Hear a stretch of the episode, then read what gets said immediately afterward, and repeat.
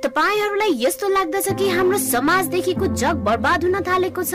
सही वा गलत परिभाषाको? किन प्रत्येक व्यक्तिमा फरक जस्तो देखिन्छ? मैले कसरी थाहा पाउन सक्दछु? कुन चाहिँ सही कुरा गर्न हो भनेर? बाइबलले निडर भई विभिन्न मानिसहरूको सापेक्षता दृष्टिकोणको बारेमा भन्दछ। र आधुनिक समाज कसरी असल स्थान हुन सक्दछ भनेर स्पष्ट जवाफ दिँदछ। हामी सँगसँगै बाइबलीय भविष्यवाणी उखार्दैछौ विश्वभरि फैलिएको महामारी। कोरोना भाइरस बारे खबरहरू। विश्वव्यापी राजनीतिक बहस अव्यवस्थित र भ्रष्टाचार। अस्ट्रेलियाको जङ्गलमा भएको आगलागी। देश नै खलबल्याउने प्रकोप बढ्दो छ। अब यो संसारमा के हुन गइरहेको छ भन्ने कुराको यो एउटा चेतावनी हो। यसको अर्थ के हुन सक्ला भविष्य कस्तो होला त? अन्तर्राष्ट्रिय प्रचारक क्यामी वाइटम्यानसँग जोडिनुहोस्। बाइबलको भविष्यवाणी खुलाउन वा उत्तर खोज्न सँगै यात्रा गरौँ। जसरी उहाँसँग संसारभरि यात्रा गर्नेछौँ उहाँसँग जीवनको साँचो सङ्घर्षको अनुभव छ। तर त्यस्तो अवस्थाको बिचमा पनि उहाँले आशाको चमत्कार प्राप्त गर्नुभयो। बाइबलको भविष्यवाणी खुलाउने भन्ने वचनको लागि क्यामी वाइटम्यानसँग जोडिनुहोस्। उहाँको बाइबलमा भविष्यवाणी कसरी पुरा हुँदैछ भन्ने कुरा बताउनुहुन्छ। नमस्कार म केमी ओटम्यान हुँ। पुनः एकपटक बाइबलीय भविष्यवाणी उगार्न तपाईँहरूलाई स्वागत गर्दछु। महान बाइबलीय भविष्यवाणीलाई आविष्कार गर्नलाई। तपाईँहरू एडब्लुआर डट अर्ग स्ल्यास बाइबलमा गएर पहिलाका कार्यक्रमहरूलाई हेर्न सक्नुहुन्छ र प्रभावशाली स्रोतहरूद्वारा पत्ता लगाउन सक्नुहुन्छ। तपाईँले त्यहाँ प्रश्न गर्न सक्नुहुन्छ अथवा प्रार्थनाको निवेदन पठाउन सक्नुहुनेछ। आफ्नो विशेष आवश्यकताहरूको निम्ति तपाईँहरूबाट पनि हामीले च्याटमा सुन्न चाहन्छौ। तसर्थ त्यहाँ केही प्रतिक्रिया छोड्नुहोस् वा प्रश्न सोध्नुहोस्। अब हाम्रो अघिल्लो प्रस्तुति चेतावनी हामीले महसुस गर्नु एकदमै रमाइलो थियो कि हामी इतिहासको अन्तिम क्षणमा बाँचिरहेका छौँ। परमेश्वरले हामीलाई यति धेरै प्रेम गर्नुहुन्छ कि उहाँले पहिला चेतावनी पठाउनुहुन्छ ताकि मानिसहरू विश्वको प्रमुख घटनाहरूबाट तयार हुन सकुन्। जसद्वारा उनीहरूको अन्तिम गन्तव्यलाई असर पुर्याउँदछ। र वास्तविक यो हो कि परमेश्वरले मानिसहरूलाई बोलाउँदै हुनुहुन्छ। यीशु ख्रिस्टको आगमनको लागि शक्तिशाली सम्झना स्वरूप कति धेरै मात्रामा हामीहरू प्रत्येकसँग परमेश्वरले इच्छा गर्नुहुन्छ। आजको प्रस्तुति बाटो। आज हामीले केही आश्चर्यजनक सिद्धान्तहरू हेर्नेछौ। जीवनको बारेमा जुन यस पुस्तकका पानाहरूबाट निस्कनेछन्। भर्खरै मात्रै म र मेरो भिडियो बनाउने समूहहरू फिलिपिन्सको जङ्गलमा थियौँ। आधी हुरीको बीचमा फसेका थियौँ। मैले आफैले आफैलाई सानो पात पतिङ्गरले छाएको छानामा आश्रय लिएको पाएँ। म एक्लै थिइन। मैले यो स्थान हत्याराहरू र चोरहरूसित बढिरहेको देखेँ। त्यो कथा सुन्न तयार भएर बसिराख्नुहोस्। आउनुहोस् हामी प्रार्थना गरौँ जसै हामी बाटोको विषयमा अध्ययन गर्नेछौँ। स्वर्गीय पिता परमेश्वर धन्यवाद छ तपाईँलाई हाम्रो लागि बाइबलका उत्तरहरू दिनुभएको छ ताकि हामी कसरी आफ्नो घर तपाईँसँग फर्केर आउन सक्दछौ। सिद्ध स्वर्गीय बगैँचामा फर्केर आउन सक्दछौ। तपाईँको मौलिक योजनामा परमेश्वर हाम्रो हृदय खोलिदिनुहोस् र हाम्रो मस्तिष्क तिखारी दिनुहोस् परमेश्वर फेरि पनि हामीलाई तपाईँलाई धन्यवाद दिदछौ। हामीलाई सँगसँगै तपाईँको वचन अध्ययन गर्न ल्याउनु भयो यसुको बहुमूल्य शक्तिशाली नाउँमा। अमेन सही र गलतको विषयमा हामी प्रत्येकमा भिन्न भिन्न परिभाषाहरू छन्। असल र खराब बीचमा हामीले पहिलो शीर्षकमा अध्ययन गर्यौं कि कसरी बाइबलले हामीलाई स्वर्गमा सुरु भएको युद्धको बारेमा जानकारी गराउँदछ। यो युद्ध के को माथि थियो? साधारण छ लुसिफरको घमण्ड परमेश्वरको र उहाँको आज्ञाको घृणामा बढेर आयो। धेरै सिद्धान्तहरू जसै स्वर्गमा अडिरहेको थियो पापको सुरुवात लुसिफरद्वारा स्वर्गमा भयो। अब पाप भनेको के हो? परमेश्वरको आज्ञा उल्लङ्घन गर्नु। स्वर्गीय जीवनहरूलाई जन्मजात नै परमेश्वरको आज्ञाहरू थाहा थियो। लुसिफरले विद्रोह गर्यो। अर्को उसले ढाँटियो र कौशलपूर्वक एक तिहाई स्वर्गदूतहरूलाई परमेश्वरको आज्ञा विरुद्ध विद्रोह गर्न लगायो। परमेश्वरको मार्ग विरुद्ध पनि विद्रोह गर्यो। त्यस पश्चात सैतानले परमेश्वर विरुद्ध यो विद्रोहलाई अगुवाई गरिरह्यो। सैतानसँग महान उद्देश्य थियो हरेक तरिकाले सत्यलाई विकृति गर्न र मोड्न। मानिस जातिले परमेश्वरलाई राजा मानि स्वीकार गर्नलाई मोडिदियो। यी सबै विद्रोहहरू परमेश्वरको सरकारको विरोधमा थियो। उसको स्तरको मान उसको जिउनुको नियम तपाईँहरूले भन्न सक्नुहुन्छ उसको चरित्र उसको नेतृत्व शैली। त्यसैले ठ्याक्कै वा ठ्याक्कै परमेश्वरको नेतृत्व कस्तो शैलीको छ त? प्रेम र स्वतन्त्रता हो। परमेश्वरको परम प्रेम। हामीलाई स्वतन्त्र इच्छापूर्वक बनाएर प्रस्तुत गर्नुहुन्छ। उहाँको मार्ग चुन्न अनुमति दिएर वा त्यसको विरोध गरेर। हामीहरू निरन्तर दोधारमा छौँ। परमेश्वरको मार्ग पछ्याउने वा उहाँको विरुद्धमा विद्रोह गर्ने सही चुन्ने वा गलत असल वा खराब चुन्ने। वास्तवमा उहाँको मार्ग के हो? उहाँले हामीलाई उहाँको पवित्र वचन बाइबलमा भन्नुहुन्छ। बाइबलले हामीलाई निश्चित उत्तरहरू प्रदान गर्दछ। हामी हाम्रो विषयको समीक्षा गरौँ। यदि यो बाइबलमा छ भने म विश्वास गर्दछु। यदि यो बाइबलसँग असहमत छ भने यो मेरो लागि होइन। आउनुहोस् प्रस्थान बिस अध्यायमा हेरौँ। यहाँ दस आज्ञाहरू छन्। हामीलाई दासत्वबाट बाहिर राख्न परमेश्वरले दस आज्ञाहरू दिनुभएको छ। यसलाई यस तरिकाले सोचौं। पहिलो चार आज्ञाहरूले परमेश्वरको लागि हाम्रो प्रेम देखाउँदछ। अन्तिम छ आज्ञाहरूले मानिस जाति प्रतिको हाम्रो प्रेम देखाउँदछ। आउनुहोस् शीर्षकलाई अनुक्रममा हेरौँ। पहिलो पद। अनि यी सब कुरा परमेश्वरले भन्नुभयो। म परम प्रभु तिमीहरूका परमेश्वर हुँ जसले तिमीहरूलाई मिश्र देश अर्थात् दासत्वको देशबाट निकालेर ल्याए। त्यसैले हामीले यहाँ देख्न सक्दछौ कि परमेश्वर बोल्नुभयो र सारा इसरायलले सुनेर तथ्य स्वीकार गरे कि परमेश्वरले उनीहरूको उद्धार गर्नुभयो। मिश्र देशमा दासत्वको जीवन बिताइरहेकोहरूलाई। त्यसैले अब अर्को उहाँले के भन्न खोज्दै हुनुहुन्छ? हरेक दासत्वबाट बाहिर कसरी बस्ने भनेर निर्देशन दिइरहनु भएको छ र वास्तविक स्वतन्त्रता भनेको के हो भनेर देखाउँदै हुनुहुन्छ? शैतानले निहालेर हेरिरहेको होला। परमेश्वर इसरायलीहरूसँग बोल्नु भएको र ऊ रोइरहेको परिकल्पना गर्दछु।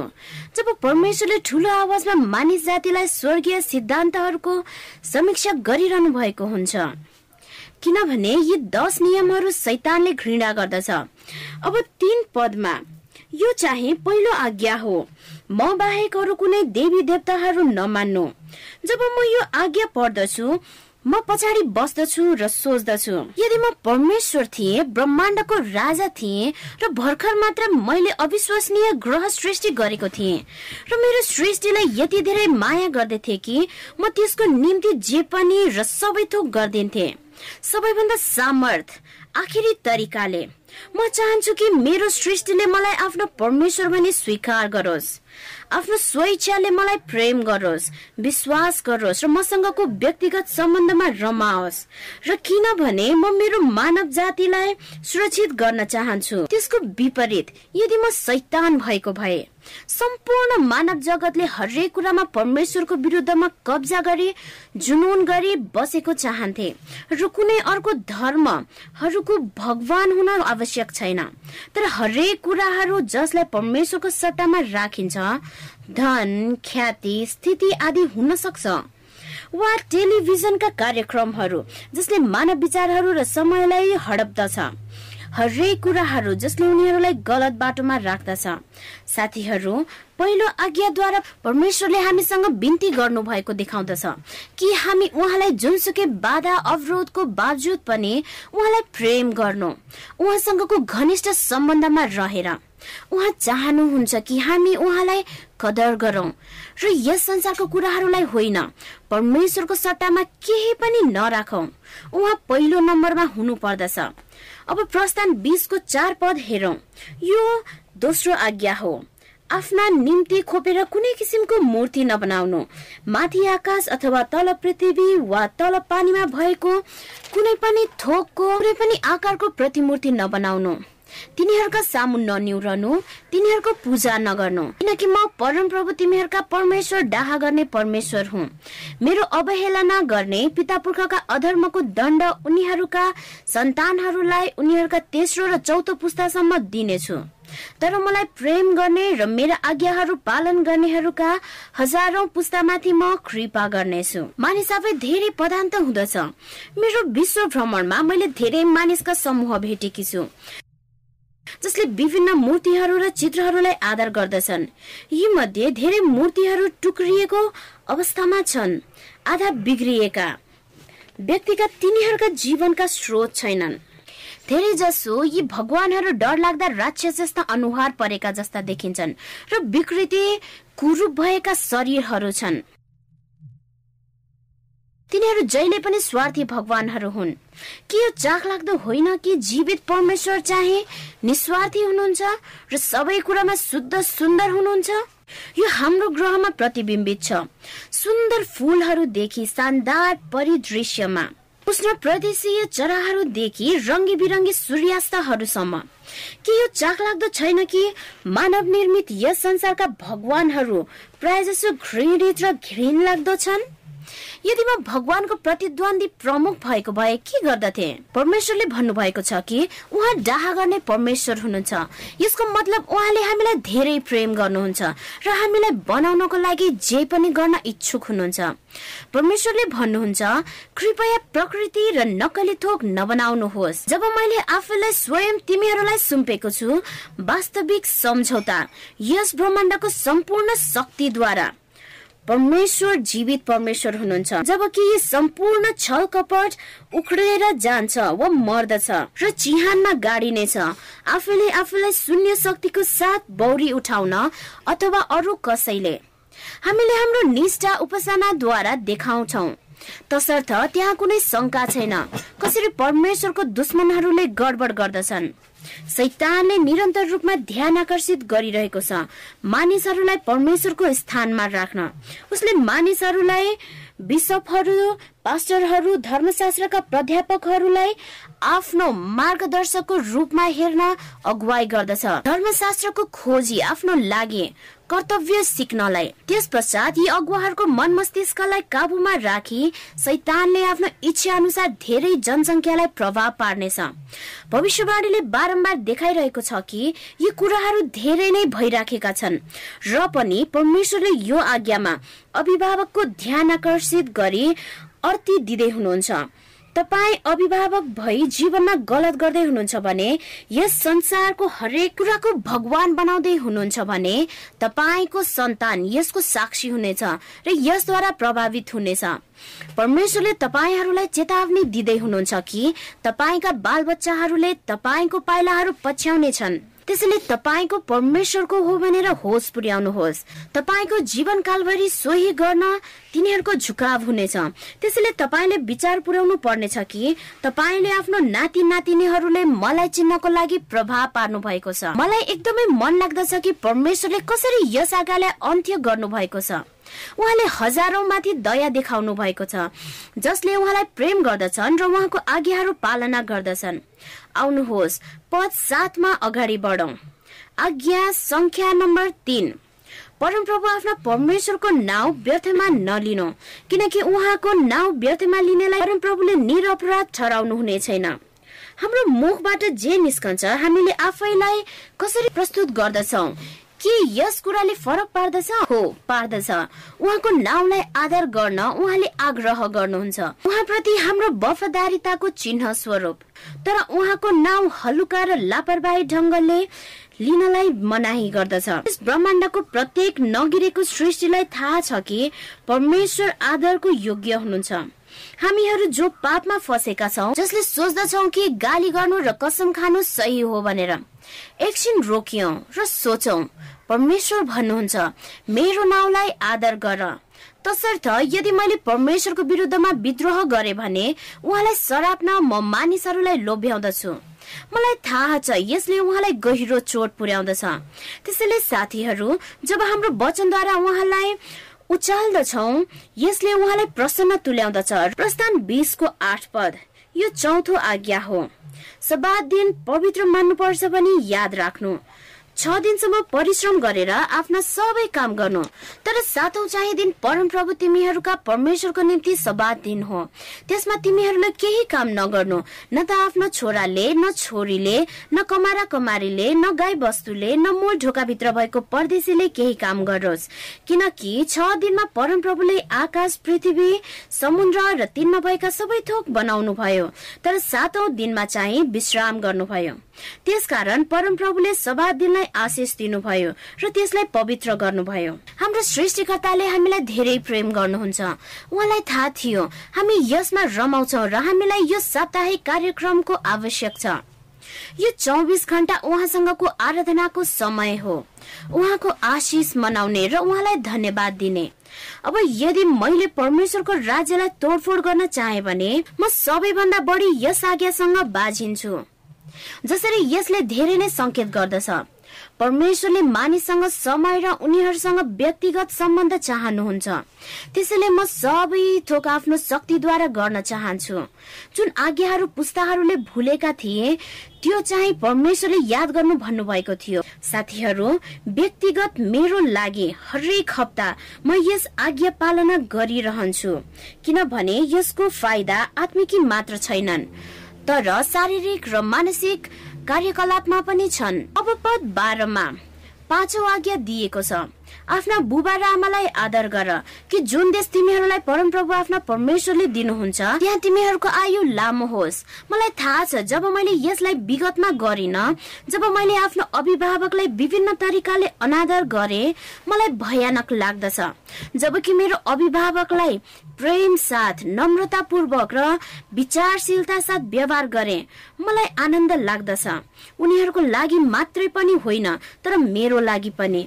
यो आज्ञाले लामो जीवनको लागि पनि प्रतिज्ञा गर्दछ। भारत देशको एकजना मानिसको विषयमा मैले कथा सुनेकी थिएँ जसले छिमेकी गाउँबाट गाई किनेर आफ्नो घरमा ल्याएका थिए। पहिलो रातमा उसले थाहा पाए कि गाउँका कुकुरहरू निरन्तर रूपमा भोकिरहेका थिए। उनीहरूले सिसिटिभी जडान गरेका थिए र उनीहरूले जे देखे अनि आश्चर्यचकित भए। उनीहरूले यो कुरा पत्ता लगाउँदा हैरान भए। त्यस चितुवाको आमाको मृत्यु हुँदा चितुवाको बच्चाको उमेर केवल बिस दिन थियो। मानिसहरूले एउटा जुक्ति लिएर आए कि त्यस चितुवाको बच्चालाई त्यसै गाईले रेखदेख गर्ने कोसिस गरोस् भनेर। र त्यसै नै भयो। जब चितुवाको बच्चा ठुलो भयो त्यो फर्केर जंगलमा गयो। तर जसले उनलाई पालन पोषण गर्यो आफ्नो मुक्तिदातालाई उसले भुलेन। त्यो गाई जहाँसुकै भए तापनि हरेक रात आफ्नो आमालाई भेट्न त्यो चितुवा आउने गर्दछ। जसले आफूलाई हुर्कायो उसलाई आदर गर्ने कति ठुलो उदाहरण हो यो। अभिभावकहरूले परमेश्वरको भलाइको प्रतिनिधित्व गर्नु पर्दछ आफ्नो बाल बालिकाहरूलाई जीवनको आधिबेरीमा आश्रय दिन र उनीहरूको चट्टान र सहायता हुन। मलाई थाहा छ तपाईँहरू मध्ये कोही गहिरो चोटमा हुनुहुन्छ वा आफ्नो सांसारिक आमा बुबादेखि अवहेलित हुनु भएको छ। त्यसो भए कसरी तपाईँहरूले उहाँलाई सम्मान गर्नुहुन्छ? यो सम्झनु एकदमै महत्वपूर्ण छ कि हाम्रो स्वर्गीय पिताले हामीलाई क्षमा दिनुहुन्छ। त्यसको सट्टामा उहाँहरूलाई क्षमा दिन परमेश्वरले सहायता गर्नुहुन्छ। प्रस्थान बिसको तेह्र पद यो चाहिँ छैटौं आज्ञा हो। हत्या नगर्नु। यदि हाम्रो संसारले वास्तवमा स्पष्ट देखिने नियम छुट्याउन सके जुनसुकै ठाउँमा यात्रा गर्नु परे तापनि डराउनु पर्ने छैन। हरेक समयमा दिन वा रातमा। जब म आश्चर्यचकित कामहरूको छायाङ्कन गर्न निस्कन्छु प्राय जसो समय मसँग अङ्गरक्षक हुन्छन् वा सैनिक साथमा जान्छन्। भर्खरै मात्र मेरो भिडियोको समूह र म फिलिपिन्सको जंगलमा थियौं आधी बेरीको बीचमा अड्कियौं। मैले आफूलाई सानो छाना मुनि आश्रय लिएको पाए। म एक्लै थिएन। मेरो छेउमा दुईजना भिडियो छायाङ्कनहरू थिए। बहुपिँढीगत बीस परिवारको सदस्यहरू कुखुराहरू कुकुरहरू बिरालोहरू बाख्राहरू र सुँगुरको परिवार पनि थिए। जेसलिनले आफ्नो कथा हामीसँग बाँडिन्। उनले मलाई एक दिनको विषयमा भनिन् जब उनी र उनका परिवारहरू सँगै बिहानको खाजा खाइरहेका थिए र अकस्मात बिहानको शान्तिलाई लगातार बन्दुकको आवाजले भताबुङ्ग पारिदियो। उनको श्रीमान एन्टोनियोले हमला गर्न हतियार उठाए। उनी युद्धको लागि नौलो थिएनन्। गुरिल्ला लडाकु भएकोले उनी र उनकी श्रीमतीले केही भीषण युद्धहरू देखेका थिए। सरकारी फौजीहरू उनीहरूलाई आक्रमण गर्न लुकेर बसेका थिए। एन्टोनियो अगाडिको ढोकाबाट भागे र जेस्नेले बालबच्चाहरूलाई समातिन् र पछाडिको ढोकाबाट बाहिरिन जङ्गलमा गई लुकी बस्नलाई। त्यहाँ उनीहरूलाई गोप्य लुक्ने ठाउँ थाहा थियो। स्वयं आफै कम्युनिस्ट विद्रोही लडाकु भएकोले गर्दा डराउनु भन्दा पनि बढी जेसलिन बारम्बार हमलादेखि रिसाएकी थिइन्। आफ्नो श्रीमान बाँच्छन् कि बाँच्दैनन् भनी बसेकी थिइन्। अन्तत सबै कुरा साम्य भयो। जब उनीहरू घर फर्के उनीहरूले एन्टोनियोको शरीरलाई सरकारी सैनिकहरूले घिसारेर लगेको देखे। त्यो दिन जेसुलिनले आफ्नो पति गुमाए। त्यस पश्चात एन्टोनियोको शरीर कहिल्यै पनि बरामद भएन। उनले फिलिपिनको फौजीहरूलाई यति धेरै घृणा गरिन् कि आफ्ना बाल बच्चालाई सबैभन्दा असल लडाकु बनाउने छु ताकि आफ्ना श्रीमानको हत्याको बदला लिन। यो सबै घटना घट्दा उसको जेठो छोरा दस वर्षको मात्र थियो। जब उसको उमेर तेह्र पुग्यो ऊ छापामारमा भर्ती भयो। छोराहरूप्रति जेसुलिन गर्व गर्दै थिइन्। उनले आफ्ना साना बालबच्चाहरूलाई यसरी असल निशानाबाज हुने भनेर सिकाइन्। उनीहरूको जवान हृदय नै कठोर भयो। एक दिन जेसुलिनले आफ्नो सानो रेडियोको डायल घुमाइन्। एक अपरिचित स्टेशन जसलाई एडभेन्टिस्ट वर्ल्ड रेडियो भनिन्छ। एकजना पुरुषको आवाजले येसु नाम गरेको मानिसको विषयमा कुरा गरिरहेको थियो। यो येसु एकदमै दयालु हुनुहुन्थ्यो। मानिसहरूको आर्थिक अवस्था बिना पनि उनीहरूलाई प्रेम गर्नुभयो। उहाँ एकदम शक्तिशाली हुनुहुन्थ्यो र उहाँले बिरामी निको पार्नुहुन्थ्यो र उहाँले मुर्दालाई पनि जीवित पार्नुभयो। जेसुलिन मोहित भइन् जसै उनले परमेश्वरको बारेमा सुनिन् जसले उहाँलाई प्रेम गर्नुभयो र उहाँको वास्ता फिक्री गर्ने र क्षमा दिन प्रस्ताव राख्नुभयो। नयाँ प्रकारको जीवन अनुभव गर्न उनको हृदयमा चाहनाहरू बढ्न सुरु गर्यो। उहाँले आफ्नो जीवन येसुमा दिने निर्णय गर्नुभयो। आफ्ना हात हतियार भुइँमा राखी आफ्ना मस्तिष्कलाई क्षमाको अवधारणाले बेर्ने निर्णय गरिन्। आफ्नो सबैभन्दा नराम्रो दुश्मनहरूलाई पनि। चाँडै नै आफैसँग उनका छोराहरूले यस कार्यक्रम सुन्न थालिन्। र एक दिन उनका छोराले भने मैले धेरै नै युद्ध लडिसके। उनले पनि आफ्नो हात हतियार छाडेर यसुलाई पछ्याए। जेसुलिनले रेडियो प्रस्तुतालाई भेटिन्। उनले आँखाभरि आँसु राखी प्रश्न गरिन् पास्टर किन तपाईँले हामीलाई यसुको बारेमा बनाइ यतिका समय लगाउनु भयो यदि तपाईँले अलि अगाडि नै प्रसारण गर्नु भएको भए मेरो श्रीमान मर्नुहुने थिएन। हामीले परमेश्वरको बारेमा सिक्ने थियौँ। र उहाँलाई ढिला हुनु अगाडि नै हामीले विद्रोही लडाईँलाई परित्याग गर्ने थियौँ। आज जेसुलिन र उनका छोराहरूले येसुलाई प्रेम गर्दछन्। हत्या नगर्नु भनी आज्ञा पालना गरी उनीहरू बाँचिरहेका छन्। अब उनीहरू भिन्न आदेशका लडाकुहरू हुन्। एके फोर्टी सेभेन भन्दा पनि धेरै शक्तिशाली हतियार छानेका छन्। उनीहरूको नयाँ हतियारहरू भनेको विश्वास आशा र प्रेम हुन्। चौध सातौं आज्ञा। व्यविचार नगर्नु। यदि मानिसहरूले यो आज्ञा पालना गरेको भए विवाह सफलताको उच्चमा हुने थियो। आफ्नो वैवाहिक जीवन साथीले आफैलाई अरू कसैलाई सुम्पिएको भन्ने डर हुँदैन थियो। परमेश्वरको लागि विवाहको परिकल्पना भनेको विश्वास र शुद्धताको बन्धन हो। यो चाहिँ यस पृथ्वीमा प्रेमको अनन्त अनुभव हो। जब यो बन्धन व्यविचारद्वारा तोडिन्छ यसले सम्पूर्ण परिवारको हृदयलाई छेद विच्छेद पार्दछ। हाम्रो समाजले भन्दछ तिम्रो आफ्नो मन नै मानक छ तपाईँहरूले के गर्नुपर्ने हो भनेर कसैले तपाईँलाई भन्दैन। यदि दुई वयस्कहरू राजी भए उनीहरूलाई जे मन लाग्छ गर्न सक्दछन् होइन त? प्रत्येक कुराहरू जसद्वारा परमेश्वरले तपाईँहरूलाई आनन्द दिलाउन खोज्नु भएको थियो सैतानले यसलाई बटारिदिएको छ। सैतानले प्रेम शब्दलाई वासनामा मोडिदिएको छ। सैतानको उद्देश्य भनेको परिवार टुक्र्याउनु नैतिकता गिराउनु र रोग फैलाउनु र अविश्वास फैलाउनु हो ताकि पारिवारिक साझेदारी बिलाउँदछ। उसले विभाजन गर्न मन पराउँछ र समाज टुक्र्याउन घर परिवारलाई अधीनमा राख्दछ। परमेश्वरले पहिले नै हामीलाई सजग गराउनु भएको छ। प्रस्थान बिसको पन्ध्र पद। यो चाहिँ आठौं पद हो। चोरी नगर्नु। परमेश्वरले यहाँ विभिन्न पदहरूलाई उल्लेख गर्नु भएको छ। यो स्पष्ट छ कि ब्याङ्क लुट्नु वा केही लैजानु जुन हामीसँग सम्बन्धित त छैन। तर त्यो भन्दा पनि पर हामीले कसैको फाइदा लिनु हुँदैन। जो चाहे कमजोर छ वा कम भाग्यवान छ। अब यदि परमेश्वरको कट्टर दुश्मन भइदिएको भए मानिसहरू डरमा बाँचेको चाहन्थे आफ्नो चिज बिचमा टाँसिएर बसेको चाहन्थे। उनीहरूको पैसा र समयलाई उनीहरूसँग भएको सरसमानलाई बिमित गराउन बिताउँदथे।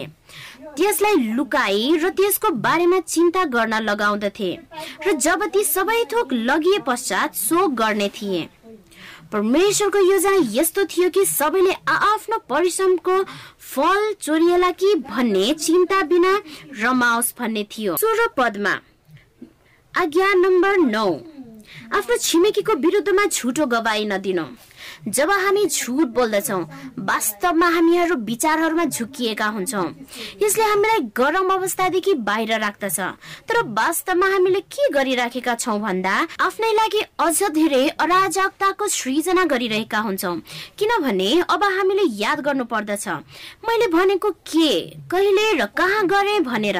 झुटले आफैलाई कैदमा राख्ने सृजना गर्दछ। कुरा काट्नु सफा झुटो बोल्नु वा आधा सत्य बोल्नु छनौट गरिएका चुकहरू र अति रञ्जन जसले नव आज्ञालाई उल्लङ्घन गर्दछ। र त्यो को हो? साँच्चै नै बाइबलले हामीलाई भन्दछ।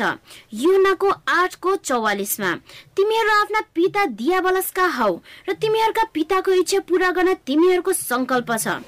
त्यो त सुरुदेखि नै हत्यारा थियो र सत्यसँग त्यसलाई केही वास्ता छैन। किनभने त्यसमा केही सत्य छैन। जब त्यसले झुट बोल्दछ त्यो आफ्नै स्वभाव अनुसार बोल्दछ। किनभने त्यो झुटो हो र झुटको पिता हो। यहाँ उदाहरणको लागि एउटा कथा छ ज्याकको बारेमा जो चाहिँ अठार सय तिसको महान निराशामा बाँचिरहेका थिए। जब पैसाको एकदमै अभाव थियो उसको परिवार साधारण किसान थिए जो पाउनलाई सङ्घर्ष गरिरहे। ज्याकले आफ्नो परिवारलाई सहयोग गर्न चाहे। उसँग एउटा फलामको पोल बल्छी केही किराहरू र नजिकै सानो नहर थियो। उसले माछा मारी बजारमा बेच्ने निर्णय गर्यो। ग्रीष्म ऋतुको हरेक दिन ऊ नहरमा जाने गर्दथ्यो। लौरी पानीमा फ्याँकी माछा झिक्थ्यो। वास्तवमा उसले पसलको व्यापारीसँग सम्झौता गरेको थियो जसले भने ज्याक मलाई थाहा छ कि तिमीले यो असल कारणको लागि गरेका छौ र तिमीले मलाई दिने प्रत्येक माछाहरू जति नै ठुलो जति नै सानो भए तापनि केही फरक पर्दैन। म तिमीलाई पचास सेन्ट दिन्छु। इस्वी सम्बत अठारसीको समयमा पचास सेन्ट भनेको धेरै पैसा थियो। गर्मी महिनाको हरेक दिन ज्याकले माछा मार्यो। कहिले काहीँ उनले एकदमै साना माछाहरू ल्याउँथे। तर त्यस व्यापारीले कहिले पनि आफ्नो आँखा घुमाएनन्। तर हरेक माछा साना वा ठुलालाई उनले ज्याकलाई पचास सेन्ट दिन्थे। वर्षको जाडो याम भरि ज्याकको परिवारलाई सहयोग जुटिरह्यो। ज्याकलाई नराम्रो महसुस हुन थाल्यो र प्रश्न गरे कतै पसलको व्यापारीबाट मैले फाइदा त लिएको छैन भनेर। एक दिन उनले आफ्नो बल्छीको लौरोमा केही ठोकिएको चाल पाए। उनले लौरो तान्न थाले। यो माछा माछा मात्रै थिएन। यो एकदमै ठुलो थियो। कथाले भन्दछ यो तिस पाउन्ड भन्दा पनि ठुलो थियो। जसले उनी बजारतिर गइरहेका थिए अपरिचित मानिसहरू जसले गाडी कुदाइरहेका थिए उनलाई पछाडि ठुलो माछा बोकिरहेको देखे। उनी अचानक रोकिए र सोधे हेर म तिमीलाई पचास सेन्ट दिन्छु। अहिले नै यो माछाको लागि। र ज्याकले भने माफ गर्नुहोस् सर म त्यसो गर्न सक्दिन। कसैले यसको लागि भनिसकेको छ। संवाद निरन्तर भइरह्यो। र ज्याकले दुई डलर पचास सेन्टको प्रस्ताव पायो। अठार सयको समयमा त्यो धेरै ठुलो रकम थियो। तर ज्याकले बहिष्कार गर्दै भन्यो त्यो धेरै लोभलाग्दो प्रस्ताव थियो। तर त्यो व्यापारी जसलाई मैले माछा बेचिरहेको छु उहाँले केही न केही धेरै राम्रो सम्झौता गरिराख्नु भएको छ। उहाँले धेरैभन्दा धेरै सानो माछा पचास सेन्टमा लिइ नै राख्नु भएको छ। र मलाई लाग्दछ अबको समय भनेको त्यस व्यापारीलाई उहाँको रकम बराबरको माछा दिने हो। अब साँचो गवाईको परिभाषा त्यही नै हो। ज्याक आफ्नो समयको सबैभन्दा प्रख्यात जेनरल बने। General Stonewall Jackson. उनले आफ्नो जीवनको सुरुवातमा निर्णय गरेका थिए। इमान्दारी हुने निष्ठावान हुने। अब पद सत्र। आज्ञा नम्बर दस। आफ्ना छिमेकीको घरको लालच नगर्नु। आफ्नो छिमेकीको पत्नीको लालच नगर्नु। आफ्नो छिमेकीको कमरा कमारी गोरु गधा वा त्यसको कुनै पनि थोकको लालच नगर्नु। यसले हाम्रो स्वार्थी चाहनालाई निषेध गर्दछ जसले अरू पापहरूको क्रमिक असरहरू सुरुवात गर्दछ।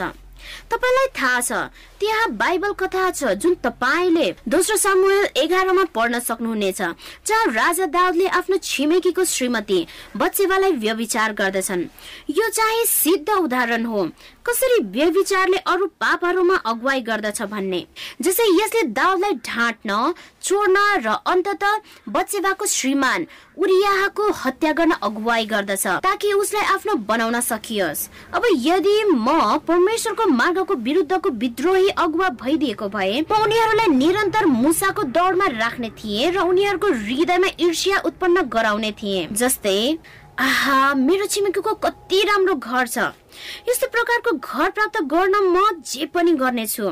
परमेश्वरले दिनुभएको आशिषहरूमाथि उनीहरू सबैको आँखा बन्द गरिदिने थिए। ताकि आफूसँग जे छैन त्यसमाथि उनीहरूको ध्यान केन्द्रित गर्ने थिए। मैले पनि झुटा आदर्शहरूको सृष्टि गर्ने थिएँ जस्तै हलिउड ताकि मानिसहरूले व्यविचार गर्ने थिए र राम्रोसँग बाँच्न नदिई निरन्तर रूपमा निराशामा राख्ने थिए। जब मानिसहरूलाई आफ्नो स्तर मापन गर्न मन लाग्दैन उनीहरू निराश हुन एकदमै सजिलो छ र गलत ठाउँमा मूल्य र प्रेम प्राप्त गर्न कोसिस गर्दछन्। तपाईँको मूल्य बराबरको परमेश्वरले दिनुहुनेछ। किनभने तपाईँहरू ब्रह्माण्डको राजाको छोराछोरी हुनुहुन्छ। परमेश्वरको नियम भनेको शक्ति क्षेत्र जस्तै हो वा सुरक्षाको पर्खाल हो। हामीलाई पापको विरुद्ध सुरुङमा लड्नदेखि बचाउँदछ। हामी आफैमा दुष्ट शक्तिहरूदेखि परमेश्वरको संरक्षण बिना कमजोर छौँ जसै हामी जीवनको बाटोमा लक्ष्यहीन बन्दछौँ। हरेक रोजाइको नतिजा छ। मानिसहरूलाई पासोमा पारी गलत गराउने नकारात्मक निर्णयहरू गराउने सैतानको उद्देश्य हो। उसको योजना भनेको जानी जानी ध्वस्त गर्ने र मानिसहरूलाई आत्मिकी मानसिक भावनात्मक र शारीरिक रूपमा अपाङ्ग पार्ने हो। जबकि परमेश्वरको चाहना भनेको मानिसलाई खुसी तुल्याउने र शान्तिमा बच्ने हो। परमेश्वरको आज्ञाहरू अनुसरण गरे हामीलाई बचाउँदछ। वास्तवमा परमेश्वरसँगको वास्तविक सम्बन्ध बिना उहाँको नियममा सूचीहरू दयनीय अनुभव हुँदछन्। एक जवान जोडीहरूले विवाह गरे र सुन्दर समारोह सुहाग रातमा रमाए। भोलिपल्टको बिहानी श्रीमान र श्रीमती सँगै थिए अनि श्रीमानले श्रीमतीको हातमा कागजको टुक्रा राखिदिए। उनले भने मैले केही थोकहरूको सूची बनाएको छु। हरेक दिन तिमीले गर्नलाई। यसले हाम्रो विवाहलाई सहज तुल्याउँदछ। हरेक दिन तिमी बिहान पाँच बजे उठ्नु पर्दछ। बिहानको नास्ता पुरा खान चाहन्छु। मेरो सर्ट प्यान्ट आइरन गरिएको होस् भन्ने पक्का गर्न चाहन्छु। ती लामो सूचीहरू पढिसके पश्चात उनले भान्जाकोठाको भित्तामा टाँसिदिए। श्रीमतीले ठुलो आँखा उगारिन् र फेरि श्रीमानले भने म नयाँ सूचीहरू बनाउने छु जब हाम्रो बालबच्चाहरू हुनेछन् हरेक सास त्यस सूचीमा गई चिन्ह लगाई जाँच गर्दथे। अन्तत सोचे जस्तै उनीहरूको विवाह विवाह विच्छेदमा गएर अन्त्य भयो। फेरि केही वर्ष पश्चात त्यही महिला दयालु अद्भुत मानिससँग प्रेममा परिन् र उनीहरूले विवाह गरे। सँगसँगै उनीहरूको सपनाको जस्तो जीवन थियो। उनीहरू दुवैले हावामा उडिरहेको जस्तै महसुस गरे। उनीहरूको शानदार विवाह भएको थियो र उनीहरूले एकअर्कालाई मद्दत गर्दथे। उनीहरूलाई सँगै समय बिताई सुन्दर बगैँचा बनाउन मन लाग्यो। एक दिन उनले आफ्नो बुइगलमा भएको बक्साहरू हेर्न थालिन्। उनले आफ्नो पूर्वपतिको गर्नुपर्ने सूची भेटिन्। उनको अनुहार रातो भयो। उनको भित्री हृदय रिसले धड्किन थाल्यो। जसै उनले ती सूचीहरू ठुलो आवाजले पढिन् उनले केही महसुस गरिन्। बिहानै उठ। म अहिले पनि उठ्दछु। बिहानको नास्ता बनाउनु। म अहिले पनि त्यो गर्छु नै। लुगामा आइरन गर। त्यो पनि म गर्दछु। त्यस सूचीमा भएको प्रत्येक कुराहरू अहिले पनि उनले गरिरहेकै थिइन्। त्यो कुराले कुनै बेला उनलाई पागल बनाएको थियो। त्यो बेला उनलाई गर्नै पर्छ भनेर भनिएको थियो। तर अहिले उनको प्रेमिलो विवाह भएको छ। कृतज्ञ श्रीमानसँग र उनले विचारयुक्त कुराहरू आफ्नो श्रीमानको लागि प्रेमको अभिव्यक्ति स्वरूप गर्न रोजेकी छिन्। हामी आज्ञाकारी भएका छौँ। यसको मतलब यो होइन कि हामीले परमेश्वरको अनुग्रह प्राप्त गर्न खोजिरहेका छौँ। यो त हाम्रो उहाँको प्रेमको निम्ति प्रतिक्रिया हो। मैले मुक्ति प्राप्त गर्नको लागि परमेश्वरलाई पालन गरेको होइन। म परमेश्वरलाई पालना गर्दछु। आफू बचाइनको निम्ति होइन। किनभने मलाई बचाइएको छ। ती नियमहरू जुन हामीले परमेश्वर चिन्नुभन्दा अघि निसासिने जस्तो देखिन्थ्यो त्यसले अकस्मात हाम्रो जीवनमा अर्थ बनाइदिन्थ्यो। र अब चाहिँ जुन कुराले हामी आशा गरेका थियौँ र सही कुरा गर्न कठिन प्रयास मात्र हुने छैन। यी सबै चाहिँ सम्बन्धको बारेमा हुनेछ त्यहाँ परमेश्वरले हामीलाई हिर्काउन बस्नु भएको छैन। परमेश्वरले माथिबाट हामीलाई फरक बाटो रोज्न आग्रह गरिरहनु भएको छ। हामी कस्तो हुन चाहन्छौ भन्ने कुरा हामी आफै सोच्दछौ र आफ्नो मस्तिष्कमा देख्दछौ। तेस्रो विवेकको वफादार र इमान्दारी देख्दछौ। हामीले चाहेको जस्तो पुरुषहरू खोज्दछौ अथवा आफूले चाहेको जस्तो स्त्री हुन कोसिस गर्दछौ। तर जब हामी आज्ञाहरू हेर्दछौ हामीले के भेट्दछौ त? आज्ञाले हाम्रो आफ्नै छाया देखाउँदछ जुन हामीले पहिला कहिले देखेका थिएनौँ। त्यसैले जब हामीले यसुलाई स्वीकार्दछौ उहाँ हामीमा आउनुहुन्छ। धार्मिकताको वस्त्र हाम्रो वर पर राखिदिनुहुनेछ। त्यसैले जब पिता परमेश्वरले हामीलाई हेर्नुहुन्छ उहाँले सिद्ध बहुमूल्य यसुलाई देख्नुहुन्छ र त्यस पश्चात हामीलाई स्वीकार गरिन्छ र उहाँको राज्यमा बचाइन्छ। र अब हामीसँग हाम्रो मनमा यी दश आज्ञाहरू ताजा रहनेछन्। आउनुहोस्। गिएर बदलौं र दश आज्ञाको विषयमा चासोहरू जाँचौं र सदाझै बाइबलबाट उत्तरहरू दिन लगाऊ। परमेश्वरको दश आज्ञाहरू परिवर्तन गर्न सकिन्छ? लुका सोह्रको सत्रले भन्दछ तर व्यवस्थाबाट एक मात्र मेटिन भन्दा स्वर्ग र पृथ्वी टलिजान सजिलो छ। म मेरो करार भङ्ग गर्ने छैन अथवा मेरो मुखबाट निस्केको वचन बदलने छैन। उहाँका सबै आदेश विश्वसनीय हुन्छन्। ती सदाकालको लागि अटल छन्। मलाई तिनको छ? म परमप्रभु कहिले परिवर्तित हुँदिन। कुनै पनि परिस्थितिमा परमेश्वरका दश आज्ञा कहिले पनि बदली हुने छैन वा परिवर्तित हुने छैन। यो चाहिँ परमेश्वर जस्तै स्थायी छ। बाइबलमा तीन पटक सांसारिक राजाहरू हेरोद आसुरस र दाराहरूले नियमहरू बनाए र पछि परिवर्तन गर्न खोजे तर सकेनन्। यदि कमजोर ढुलमुल राजाहरूले बनाएका नियमहरू परिवर्तन गर्न सकिँदैन भने कसरी कसैले सोच्न सक्दछ कि परमेश्वरले अनन्त आज्ञाहरू जुन उहाँको स्वयं औलाले लेखेको छ परिवर्तन गर्न सकिन्छ भनेर? अब उपरान्त परमेश्वरको आज्ञाहरू परिवर्तन गर्न सम्भव छैन। परमेश्वर आफैले भन्दा बाइबल मुताबिक पाप भनेको के हो?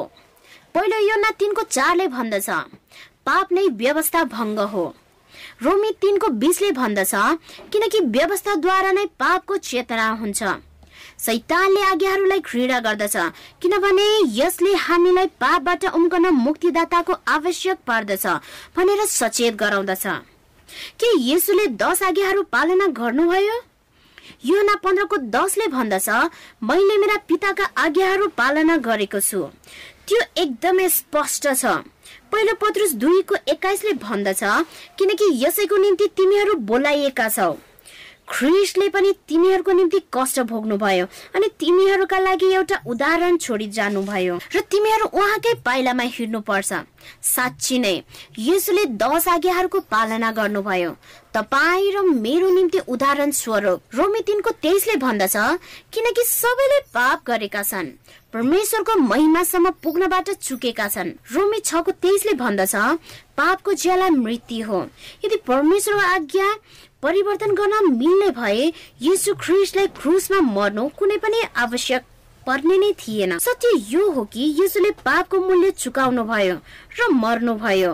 कसैले भन्दछन् दश आज्ञाहरू पुरानो करारको लागि हो र नयाँ करारका इसाईहरूमा लागू हुँदैन। यसुले यसको विषयमा के भन्नुहुन्छ? मत्ती उन्नाइसको सत्रले भन्दछ तर तिमी जीवनमा प्रवेश गर्न इच्छा गर्दछौ भने आज्ञाहरू पालना गर। योहन्ना चौधको पन्ध्रमा यसुले भन्नुहुन्छ तिमीहरूले मलाई प्रेम गर्छौ भने मेरा आज्ञाहरू पालना गर्नेछौ। विपरीत पनि सही हुन सक्दछ।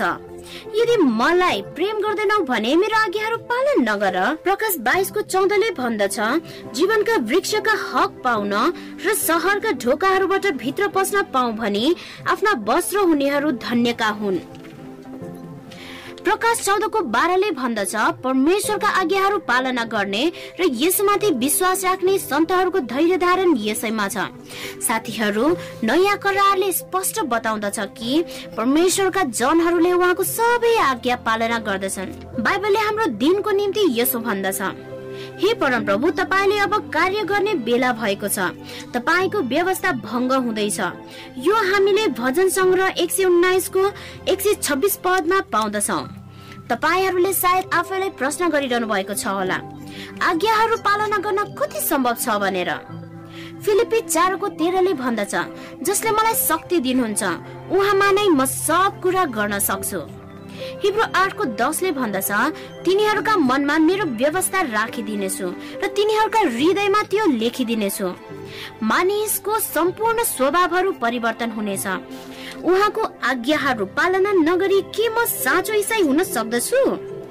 पहिलो योना दुईको तिन र चारले भन्दछ यदि हामीले उहाँका आज्ञाहरू पालना गर्यौं भने यसैबाट हामी थाहा पाउन सक्छौ कि हामी उहाँलाई चिन्दछौ। जसले म उहाँलाई चिन्छु भन्छ तर उहाँका आज्ञाहरू उल्लङ्घन गर्छ त्यो झुटो हो र त्यसमा सत्य छैन। के आज्ञा पालन गरी मानिसहरू बचाइन्छन् त? एफिसी दुईको आठ नौले भन्दछ किनभने अनुग्रहबाट विश्वासद्वारा तिमीहरूले उद्धार पाएका छौ। र यो तिमीहरू आफैबाट होइन यो त परमेश्वरको वरदान हो। कर्महरूद्वारा होइन नत्र त मानिसले घमण्ड गर्नेछ। जसै आज तपाईँहरूले सुसमाचार सुन्नुभयो कि परमेश्वरको आगे पवित्र छ भने देख्नुभयो? अब फेरि पनि मैले गडबडी गर्नेछु। अह गर्ने छैन। कि मैले जानी जानी उहाँको आज्ञाहरू उल्लङ्घन गर्नेछु? अह गर्ने छैन। जब म असफल हुन्छु विनम्र साथमा मेरो पापहरूको क्षमा माग्दछु। त्यसो भए के मैले क्षमा पाएको छु भने प्रश्न गर्नु पर्दछ त? अह पर्दैन। यसोले भन्नुहुन्छ जब हामी पापको निम्ति क्षमा माग्दछौ उहाँ हाम्रो पापहरू क्षमा गर्न विश्वासयोग्य न्यायिक हुनुहुन्छ र सम्पूर्ण अधर्महरूदेखि हामीलाई शुद्ध पार्नुहुन्छ। यदि तपाईँहरूले त्यो दाग सफा गर्नु भएको छैन भने आज राति नै सो गर्नुहोस् साथीहरू। तपाईँहरूले जे गर्नु भएको भए तापनि आज येसुले सबैलाई प्रस्ताव राख्नु भएको छ। तपाईँ पर्याप्त असल हुनु हुँदैन कि तपाईँ स्वर्ग जानको लागि योग्य हुनु हुँदैन भनी। हाम्रो कानमा सैतानलाई काने खुसी गर्न नदियो। कुनै पनि पाप त्यति ठुलो छैन जुन येसुले क्षमा दिन सक्नु हुँदैन आश्वासन बिना अर्को दिन यत्तिकै जान नदियौ कि हामीलाई हिउँ जस्तो सेतो पारिएको छ भनेर। यो तपाईँहरूको चाहना हो। अहिले नै जसै तपाईँहरूले हेरिरहनु भएको छ वा सुनिरहनु भएको छ भन्नुहोस् कि परमेश्वर म पापी हुँ र मलाई एकदमै धेरै मुक्तिदाताको खाँचो छ। साथीहरू आउनुहोस् सँगै प्रार्थना गरौँ। स्वर्गीय पिता हाम्रो जीवनमा तपाईँको बाटो के हो भनेर आज साँझ हामीले सिक्यौं। र यदि हामीले तपाईँको आज्ञालाई पछ्यायौं भने हामी हाम्रो जीवन पूर्णतामा बिताउनेछौँ। अहिलेलाई र अनन्त कालको निम्ति। धन्यवाद छ तपाईँलाई हाम्रो वरिपरि सुरक्षाको घेरा हालिदिने इच्छा गर्नु भएको लागि। यसुको बहुमूल्य शक्तिशाली नाउँमा। आमेन। साथीहरू प्रत्यक्ष बाइबल प्रशिक्षकहरू हाम्रो प्रश्नहरूको उत्तर दिन अहिले पनि उभिरहेका छन् भनेर नभुलौ। यो हेरिदिनु भएको लागि धेरै धेरै धन्यवाद।